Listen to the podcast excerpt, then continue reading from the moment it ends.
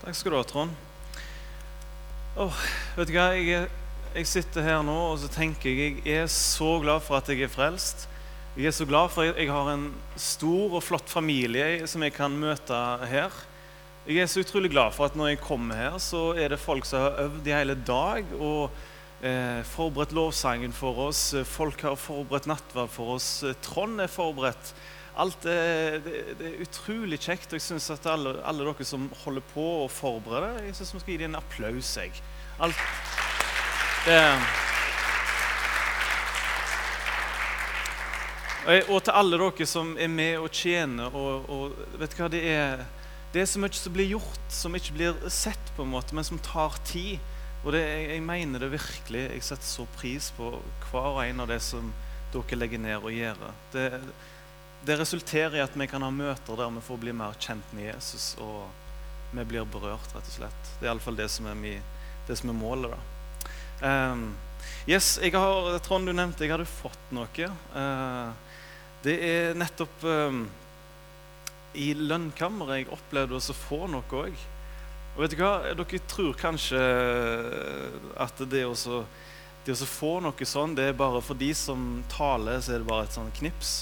Det var en gang en kompis av meg som, eh, som maste på meg at jeg måtte henge med han og eh, leke med han, eller hva, vi skulle ut på noe. Og så sa jeg til han jeg kan ikke bli med deg nå, for jeg skal forberede en tale. «Øh, skal du forberede en tale? Ikke bare ei bønn, det, så er det gjort.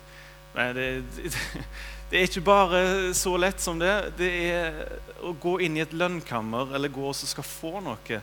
Jeg kan gå dagevis, jeg kan gå timersvis. Bare så for å få en liten headline inni meg som begynner å jobbe og vise meg en retning på hva som skal bli snakket om. Eh, lønnkammeret har jeg faktisk lyst til å snakke om her i dag. Det er noe som, hva tenker du når du tenker på lønnkammer? Hva i alle dager tenker du på da? Jeg skal ærlig innrømme at jeg har ikke så mange assosiasjoner til lønnkammer som blir brukt i, i Bibelen. Jesus nevner det en gang. Vi skal lese om det. Kanskje du tenker litt mer på skattekammer? Kanskje du får litt mer assosiasjoner da? Ser for deg en skatt og ei skattkiste og masse god mat, et skattekammer. Men et lønnkammer, det er rett og slett det når du og Jesus får stille tid i sammen, og så skal Gud lønne deg. Han skal gi deg noe. Er ikke det et fantastisk ord egentlig da plutselig, når, når vi tenker på det lønnkammer? Gud har lyst å gi meg noe. Gjør meg rik. Ikke sånn på masse penger, men gjør meg rik på Jesus. Har du tenkt på det ordet? Jeg, jeg, jeg satt, helt ærlig så satt jeg her nå og tenkte jeg skal tale om lønnkammer, men det har ikke helt gått opp for meg hva det er. Rett før jeg går opp, så får jeg en åpenbaring hvor fantastisk lønnkammer er. Så tenkte jeg yes, jeg gleder meg til å fortelle det til dere. Det er et lønnkammer. Når jeg fikk denne talen her i dag, mitt lønnkammer, det er et av mine lønnkammer. Jeg skal snakke mer om det, men det er denne plassen her. Jeg jobber jo her i hverdagen, men når dere ikke er her, og jeg har hele Salem for meg sjøl, da lukker jeg den døra. Og så pleier jeg å gå rundt omkring her og be til Gud. Og det er ingen som forstyrrer meg. Jeg slår av mobilene, og jeg trør rundt omkring her og ber til Gud. Her er mitt lønnkammer. Her får jeg fred. Her er jeg stille med Gud. Og det syns jeg er fantastisk. Eh, mange andre forteller om at de kanskje går en tur i skogen, eller eh, de har en plass eh, der de har rydda hjemme i huset sitt og ser ut vinduet og er i lag med Jesus på den måten. Men dette har jeg lyst til å snakke mer om. Eh, det som er selve på en måte Ja, det er det som egentlig alt skal springe ut ifra ditt forhold til Jesus Kristus. Det er ikke noe mindre enn det, dette med lønnkammertid. Jeg har lyst til å bare be og takke Jesus litt før vi begynner. Um, takk, Jesus, at du er til stede her nå. Takk at du har lyst til å lære oss litt mer om hva lønnkammer er for noe.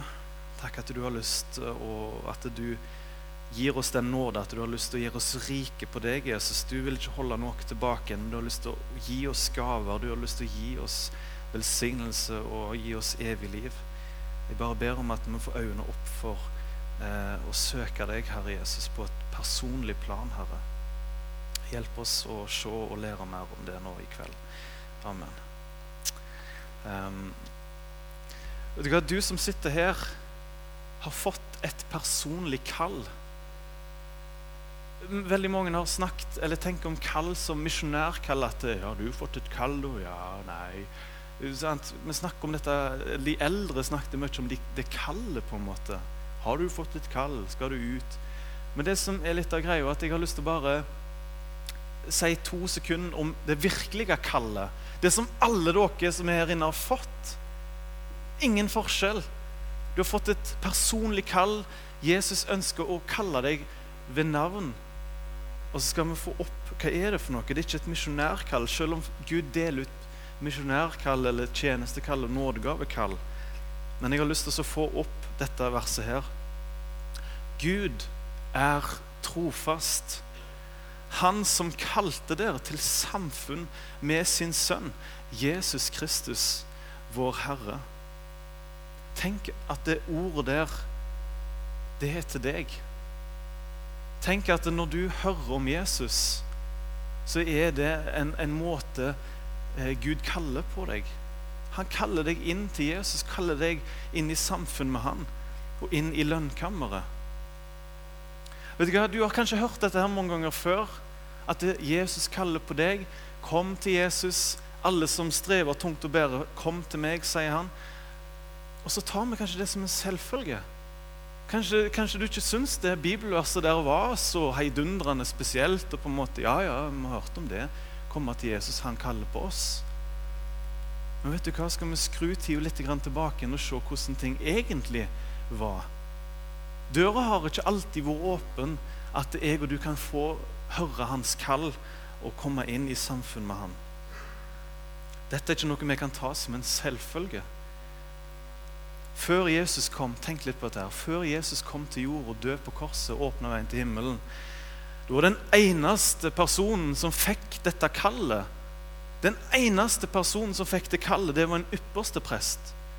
Og en gang i året så ble han kalt inn kalt til å komme inn i tempelet, inn i forgården til tempelet. og Han kom inn i det hellige, og så fikk han komme inn i det aller helligste én gang i året.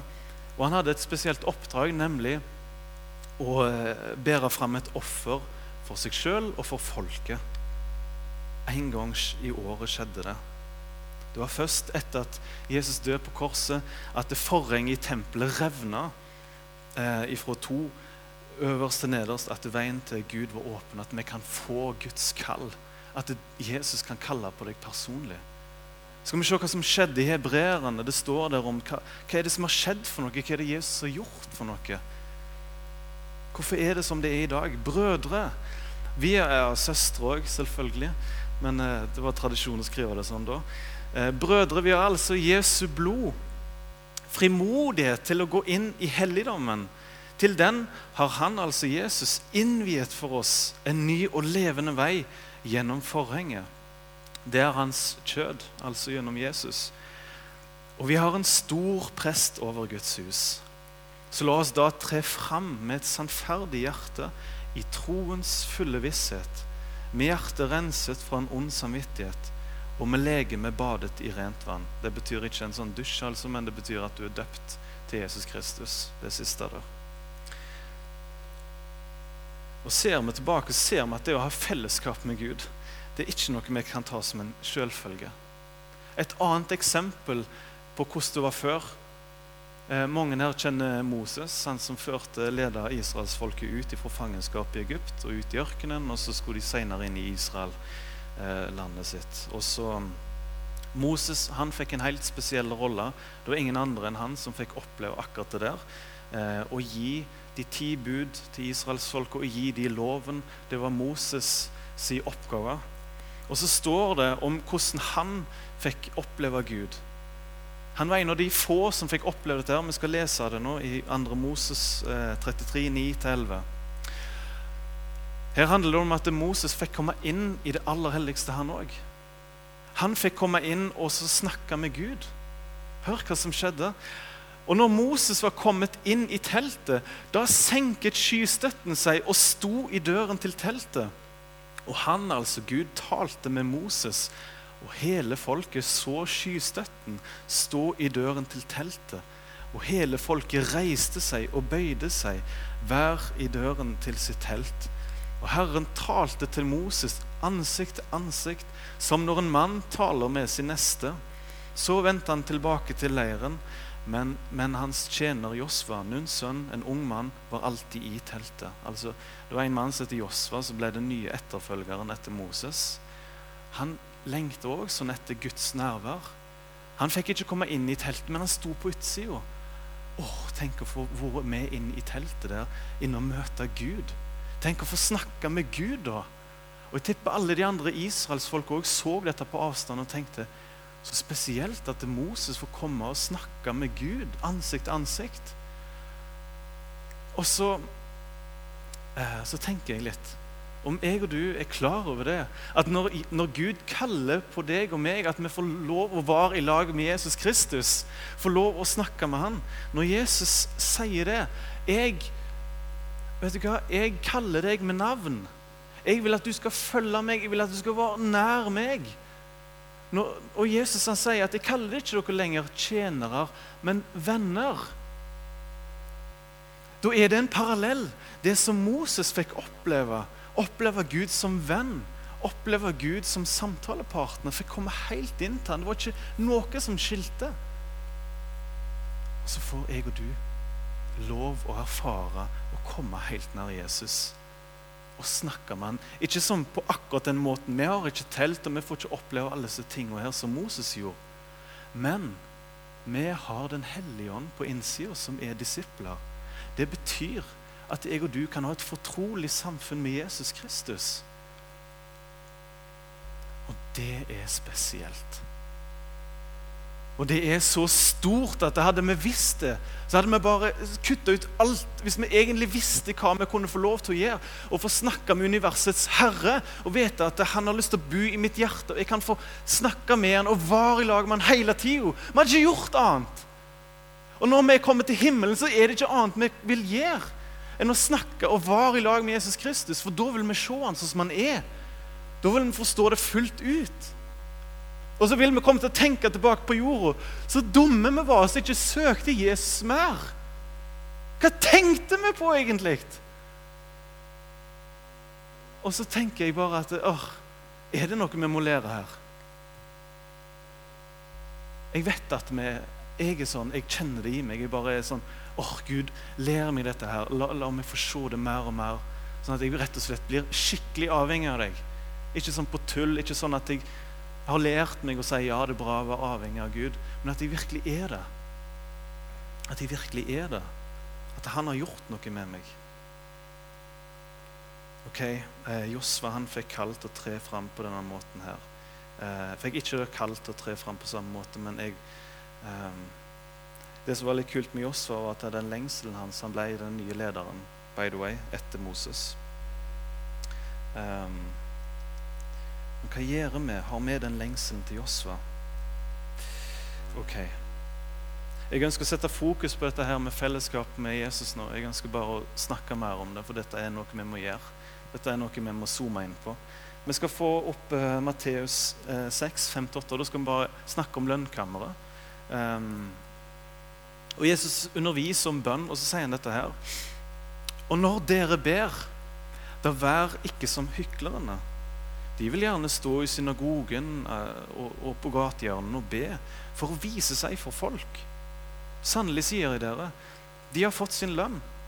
Men du, når du ber, da gå inn i ditt lønnkammer og lukk din dør, og be til din far som er i lønndom. Og din far som ser i det skjulte, skal lønne deg i det åpenbare. Når dere ber, skal dere ikke ramse opp mange ord, like som hedningene for de tror de blir bønnhørt når de bruker mange ord. Vær ikke som dem, for deres himmelske Far vet hva dere trenger til før dere ber Han. Um, her er altså begrepet lønnkammer henta ifra. Det mener jo at, at du skal ha alenetid med Jesus. Det mener jo at du skal ta med deg Guds ord inn i et lønnkammer, inn i et sted. Prøv å rydde plass i din hverdag Gjerne om morgenen er veldig fint. Gjerne midt på dagen òg en gang, gjerne på kvelden òg en gang. Sørg for at du har litt grann tid i lag med Jesus, og glem verden. Lukk igjen døra. La verdens jag ligge. Du må ikke ta den oppvasken akkurat nå. Du må ikke bare gå ut og ta den telefonen og gjøre ditt og datt. Du kan lukke igjen. Og vet du hva? Folk jeg har fortalt dette her til, nyfrelste som ikke har visst noen ting, så må jeg forklare til dem at Nå når du er blitt kristen, så er det viktig at ikke du bare står opp om morgenen og så springer du ut døra, og så, og så jager du på, og så når kvelden kommer, så kommer du på at ah, jeg må be den aftenbønn, og det er viktig nå. Nå er jeg blitt en kristen, nå må jeg, nå må jeg be før jeg legger meg. Ikke, og så sa jeg til en kar at ikke jag gjennom dagen, og så tar du en bitte liten fem minutter før du sovner på senga. Begynn dagen Begynn dagen og si at 'Her er jeg, Jesus'. Ta så, ta så vis meg hva du vil for noe i dag. Fyll meg opp med Den hellige ånd, sånn at jeg er opptatt av deg. Um, gi meg et eller annet vers jeg kan gå og tygge på i dag. La meg få bety noe for andre mennesker, osv. Og, og så, det, så prøvde han det. Og så fikk jeg en beskjed at vet du hva, det er noe helt annet etter jeg begynte å søke Jesus om morgenen. Og begynne dagen med han. Og flere andre har sagt det. Åh, at jeg ikke visste om det før. Å sette av tid til Jesus mer på den, på den måten. Det trenger ikke være en time, men det kan være et lite kvarter. Ti minutter. Det betyr så mye. Helt i ro med Jesus, du og han. Um, dette med å gå avsides, det er noe vi har ifra Jesus. Han har gått foran vårt forbilde, vist hvordan vi skal på en måte eh, forbli sterke i og forbli sterke i ånden. Eh, og vi får et eksempel på Markus eh, i vers 30 og 31. Så er det noe som har skjedd nå. Apostlene har fått oppgaver. De har fått oppdrag. De har gått ut og vitna og helbreda og undervist om, om Guds rike. Og Så kommer de igjen, og så står dette her. De kommer da til Jesus tilbake igjen etter oppdraget. Apostlene samlet seg igjen hos Jesus og fortalte ham alt det de hadde gjort. Ohoi, alt de vært med på, hva de hadde lært folket. Han sier da til dem, kom med til et øde sted hvor vi kan være for oss selv, og hvile dere litt. For det var mange som kom og gikk, så de ikke engang fikk tid til å spise. Da ser du hvordan det, det presset de hadde, liksom, alt de skulle gjøre, og alle de skulle eh, tilfredsstille på en måte og, og hjelpe. Og det som er litt sånn spesielt her, jeg har lagt merke til at Jesus han sier ikke til folket at vet du hva, nå, nå, nå, folkens, nå har dere hatt ei veldig bra møteveke, masse bra har skjedd. Nå må vi ha en ny møteveke, men nå skal vi ha fokus på hvile og litt sånn andre ting som uh, gjør at dere kan bli bygd opp igjen. Vi har en ny møteveke, og så gjør vi på en annen måte. Men han, han, sier ikke det. Han sier ikke at vi skal bare fortsette å jage på. Han sier ok, nå trenger vi en timeout, folkens. Nå trenger vi å slippe våre redskaper. Nå må dere bare være i lag med meg litt. Grann. Jesus han kaller ofte disiplene sine til seg og går vekk fra alt jaget. Slipp alt, vær i lag med meg. Av og til så kan vi bli så opptatt av at å være kristne og gjøre sånn og sånn, og sånn, så vil Jesus si slipp alltid sammen. Det er meg det handler om. Hvis dere skal overleve dette, hvis dere skal forbli kristne, så må dere bare slippe alt og ha fokus på meg for en gangs skyld. Eller for en gangs skyld. Sånn. Dere forstår hva jeg mener? Da må jeg ha et personlig forhold med meg, ellers så går det ikke. Jeg er så glad for at Jesus ikke kjørte på meg en ny møteveker, men at han sa at nå skal dere være alene litt. Nå skal jeg få gi dere noe. Dere skal inn i lønnkammeret. Hvil dere litt. Og vet du hva? Ikke misforstå meg her nå. Møter og bibelgrupper og det ene og det andre, tjenesten og alt de sammen er gitt av Gud for at vi skal bli oppbygd og vet du hva? I lønnkammeret så er det en spesiell plass der Gud skal tale til deg personlig. Men vet du hva? Jeg har opplevd at det er folk som sitter her på et vanlig lørdagsmøte, så har Gud talt rett inn i livet deres. De hadde ikke noe lønnkammer. Det var ganske mye mas og jag rundt omkring. Men Gud kan skjære gjennom av og til og bare tale rett inn i livet.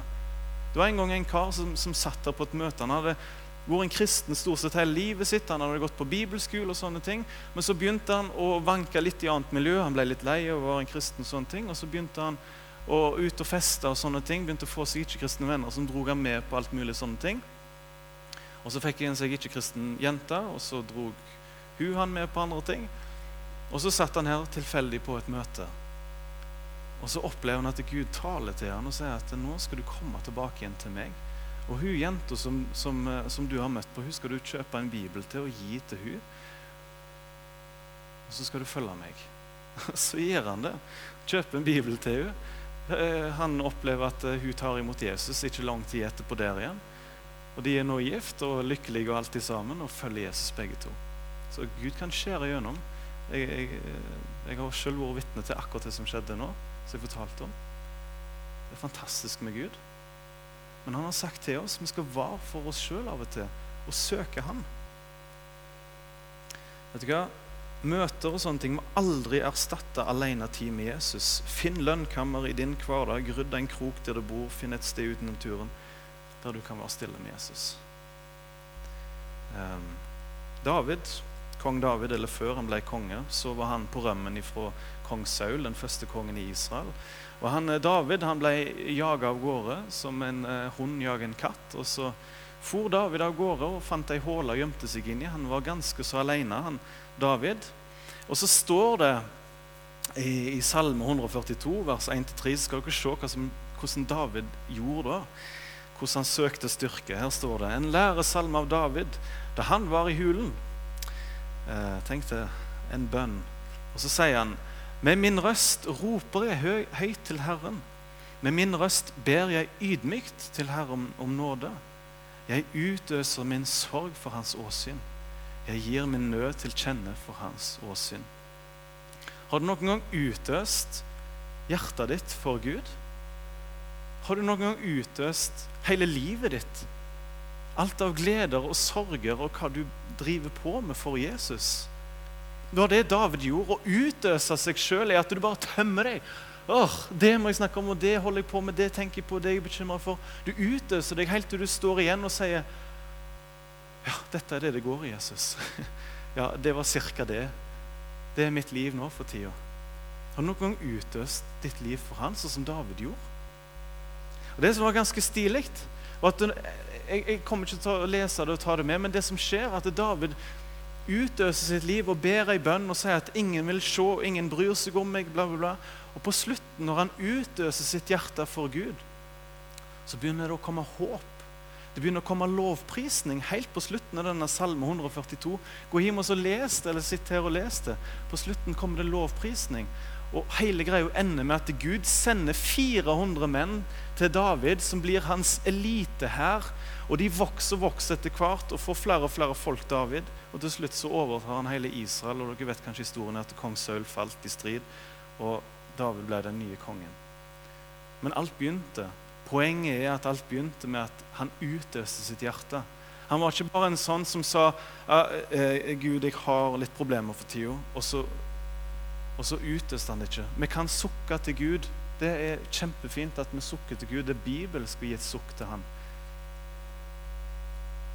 Men jammen meg så trenger vi av og til å bare sette oss ned og utøse. Sånn har jeg det nå, Gud. Snakke ut med Han. Og mens du utøser ditt hjerte, så skal jeg vise et vers hva som kommer til å skje. Det er bibelsk at det kan skje.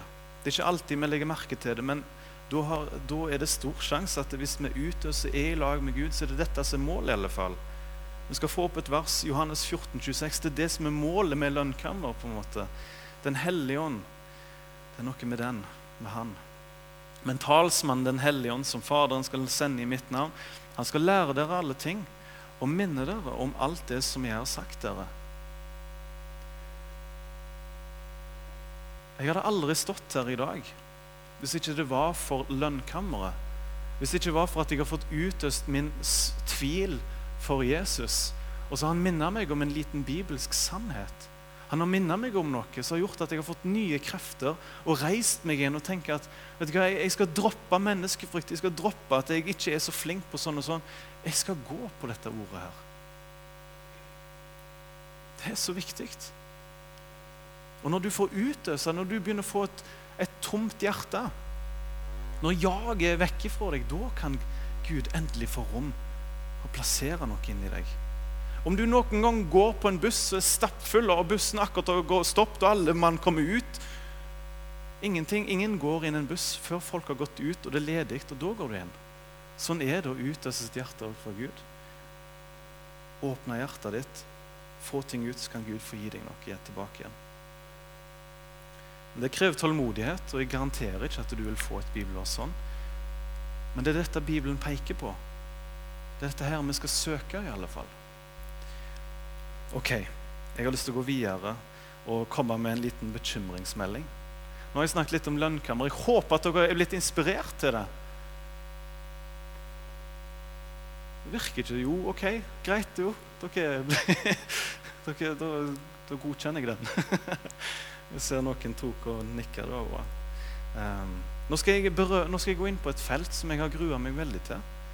Jeg skal ta tempen litt på, på uh, Ikke plent på liksom akkurat Stavanger by, og sånne ting, men litt, litt, det som skjer når vi har veldig mange menigheter, når det skjer når vi har veldig mye tilbud, når vi har så mye kristent rundt oss at vi liksom tar alt for gitt. på en måte. Så, så jeg skal gå inn på en ting.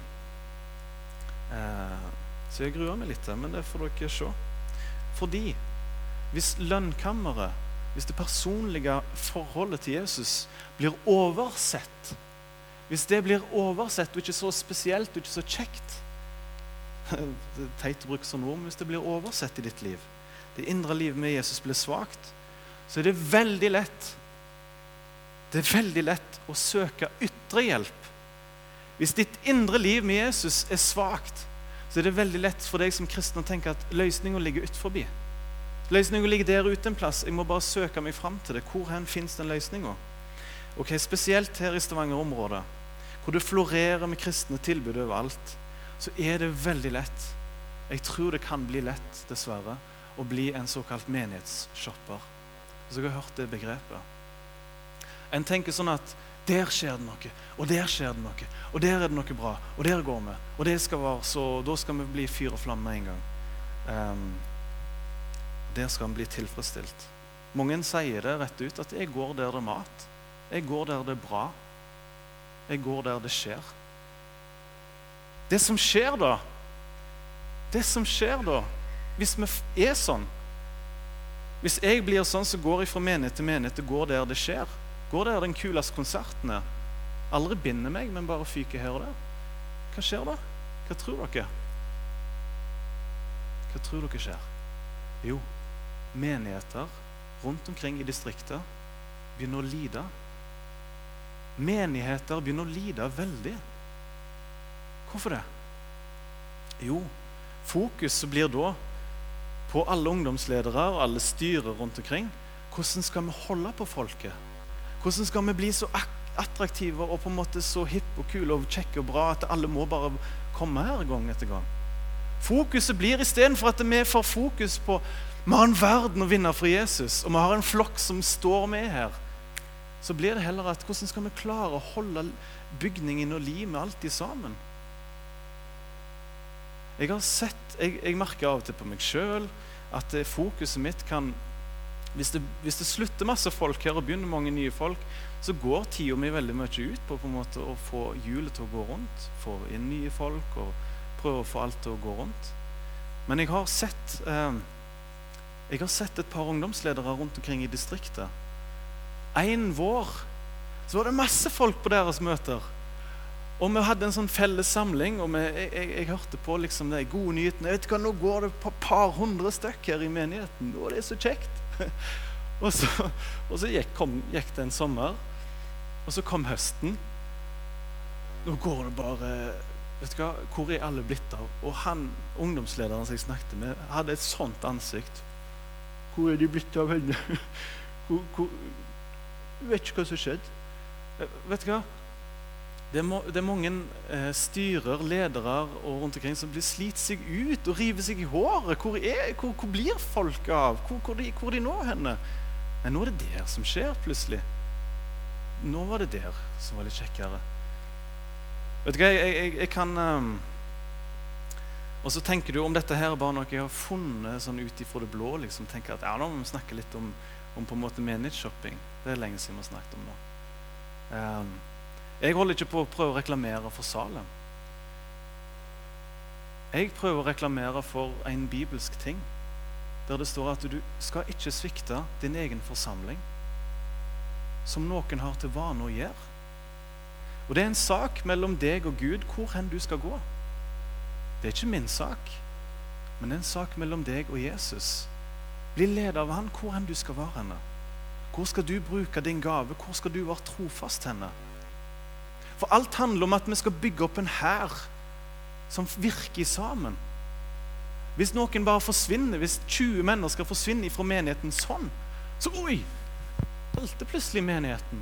Det betyr noe at kneet forsvinner over natta. Forstår dere?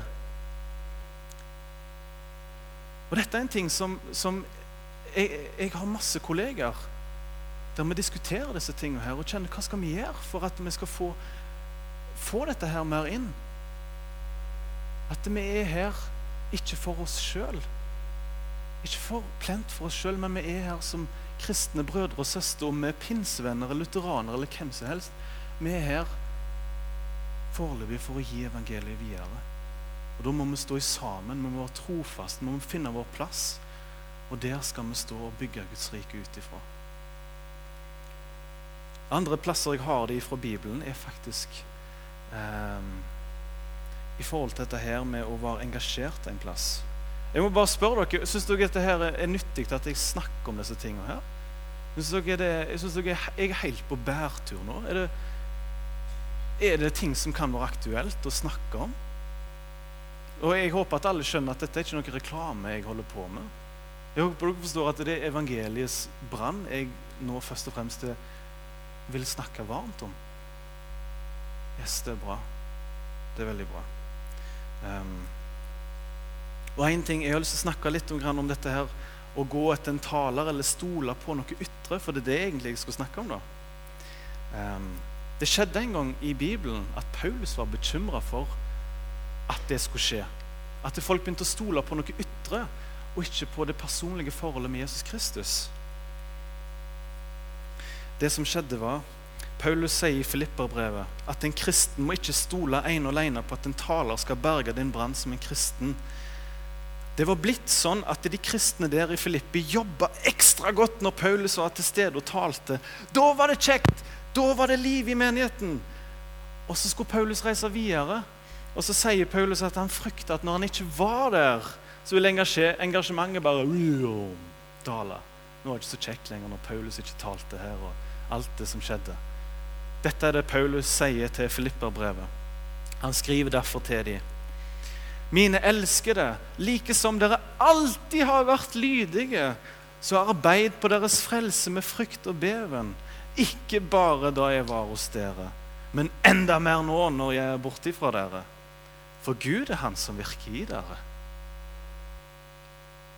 Både å ville og virke til Hans gode behag.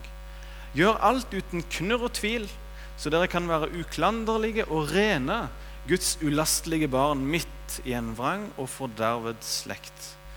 Dere skinner blant dem som lys i verden, idet dere holder fram livets ord, til ros for meg på Kristi dag, at jeg ikke løp forgjeves eller arbeidet forgjeves. Ok, Her er det to-tre punkt som vi enkelt kan trekke fram.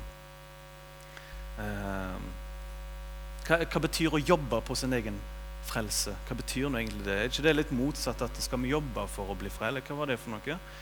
Um, det som Paulus mener her Den enkelte må jobbe på sin egen frelse, betyr helt enkelt at du må bli mer personlig kjent med Jesus Kristus. Dette ordet arbeide på sin egen frelse' vet du, Ordet 'arbeide' det er henta fra denne sammenhengen når, skrev, når Paulus skrev dette. her.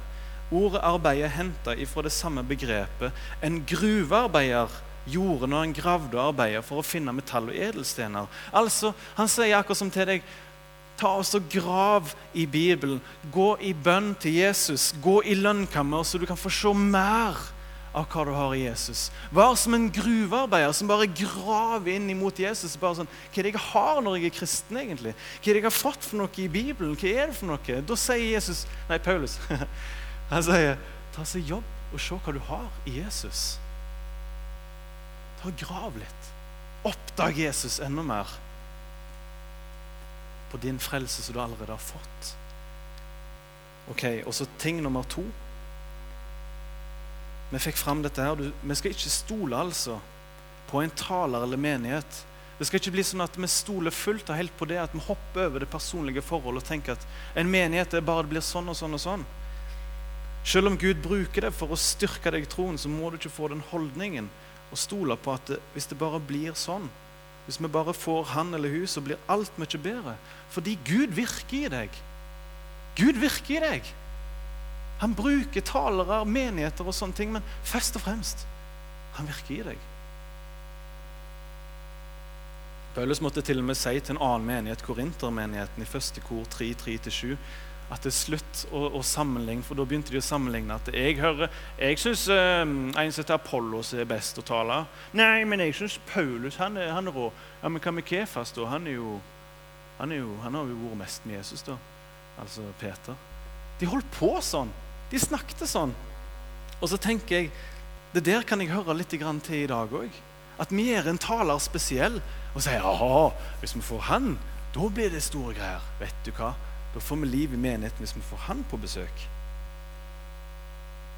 Vet du hva? En taler er ikke spesiell, men vi gjør han spesiell. Det er ingenting spesielt med taler, men Gud vil bruke det som han forkynner. Det er Gud skal ha æren. Vi kan si mye, men det er Gud som vanner og gir vekst. Jeg vet at mange talere har gitt opp pga. at eh, de aldri fikk den samme skryten som han eller han fikk. Så var det liksom Hva er det med meg, da? Hva kan jeg gi meg? Jeg får aldri den. Hadde jeg vært som Egil Svartdal, liksom, eller et eller annet sånt. Jeg vet ikke. Og så, og så blir jeg motløse, for vi sammenlignes oss med hverandre. Og jeg tror òg at det kan gå ut over det frie vitnesbyrdet i en menighet. Hvis vi blir veldig personifisert og vet at vi veier taleren. Vi diskuterer om det var bra eller det var dårlig. Han sa nå det er litt teit. Og så kan lett bli fokuset på hvordan var det personer, på en måte. Og jeg tipper at det ikke er så kjekt å gå opp og ha et vitnesbyrd hvis du sjøl har vært med en gjeng som er veldig opptatt av å veie og måle, og så glemmer på en måte Vi skal søke Gud alle sammen. Vi er alle i samme båt. Ok. Er jeg inne på noe? Dette her må vi jobbe mer med, altså. Ha fokus på Jesus. Og så sist, Siste punkt jeg har bare lyst til å si her nå. Siste punktet her nå. Paulus sier det rett ut. Ikke, ikke klag, ikke, ikke, ikke, vær liksom tilbakelent, på en måte. Ikke ha innvendinger. Han sier det rett ut. Ikke, ikke hva det han sier, uten knurr og tvil. Og så har Paulus en ting å oppmuntre oss med i Bibelen. Guds, Guds ord sier dette her. Ha tro på at Gud kan bruke deg når du er villig til å bli brukt av Han. Hold fram Guds ord, lev i Guds ord, lev i lønnkammeret, lev i bønn til Jesus, så vil Gud bruke deg. Du vil bli som et levende lys. Et, et, hva er det det står for noe her? At du skinner iblant verden. Ikke når, du, ikke når, du, er blitt så voldsomt stor og flink og kjekk, men når du holder fram vitnesbyrd om Jesus, så vil du skinne. Folk vil se noe med deg. Folk vil se Jesus hvis du holder fram dette ordet så søker han i lønnkammer og får et ord som blir levende. Hvis du får et bibelord levende inn i ditt liv Du skinner av det. Du skinner av det når du møter Jesus i lønnkammer, at du har fått noe fra han. Du har blitt rike på han.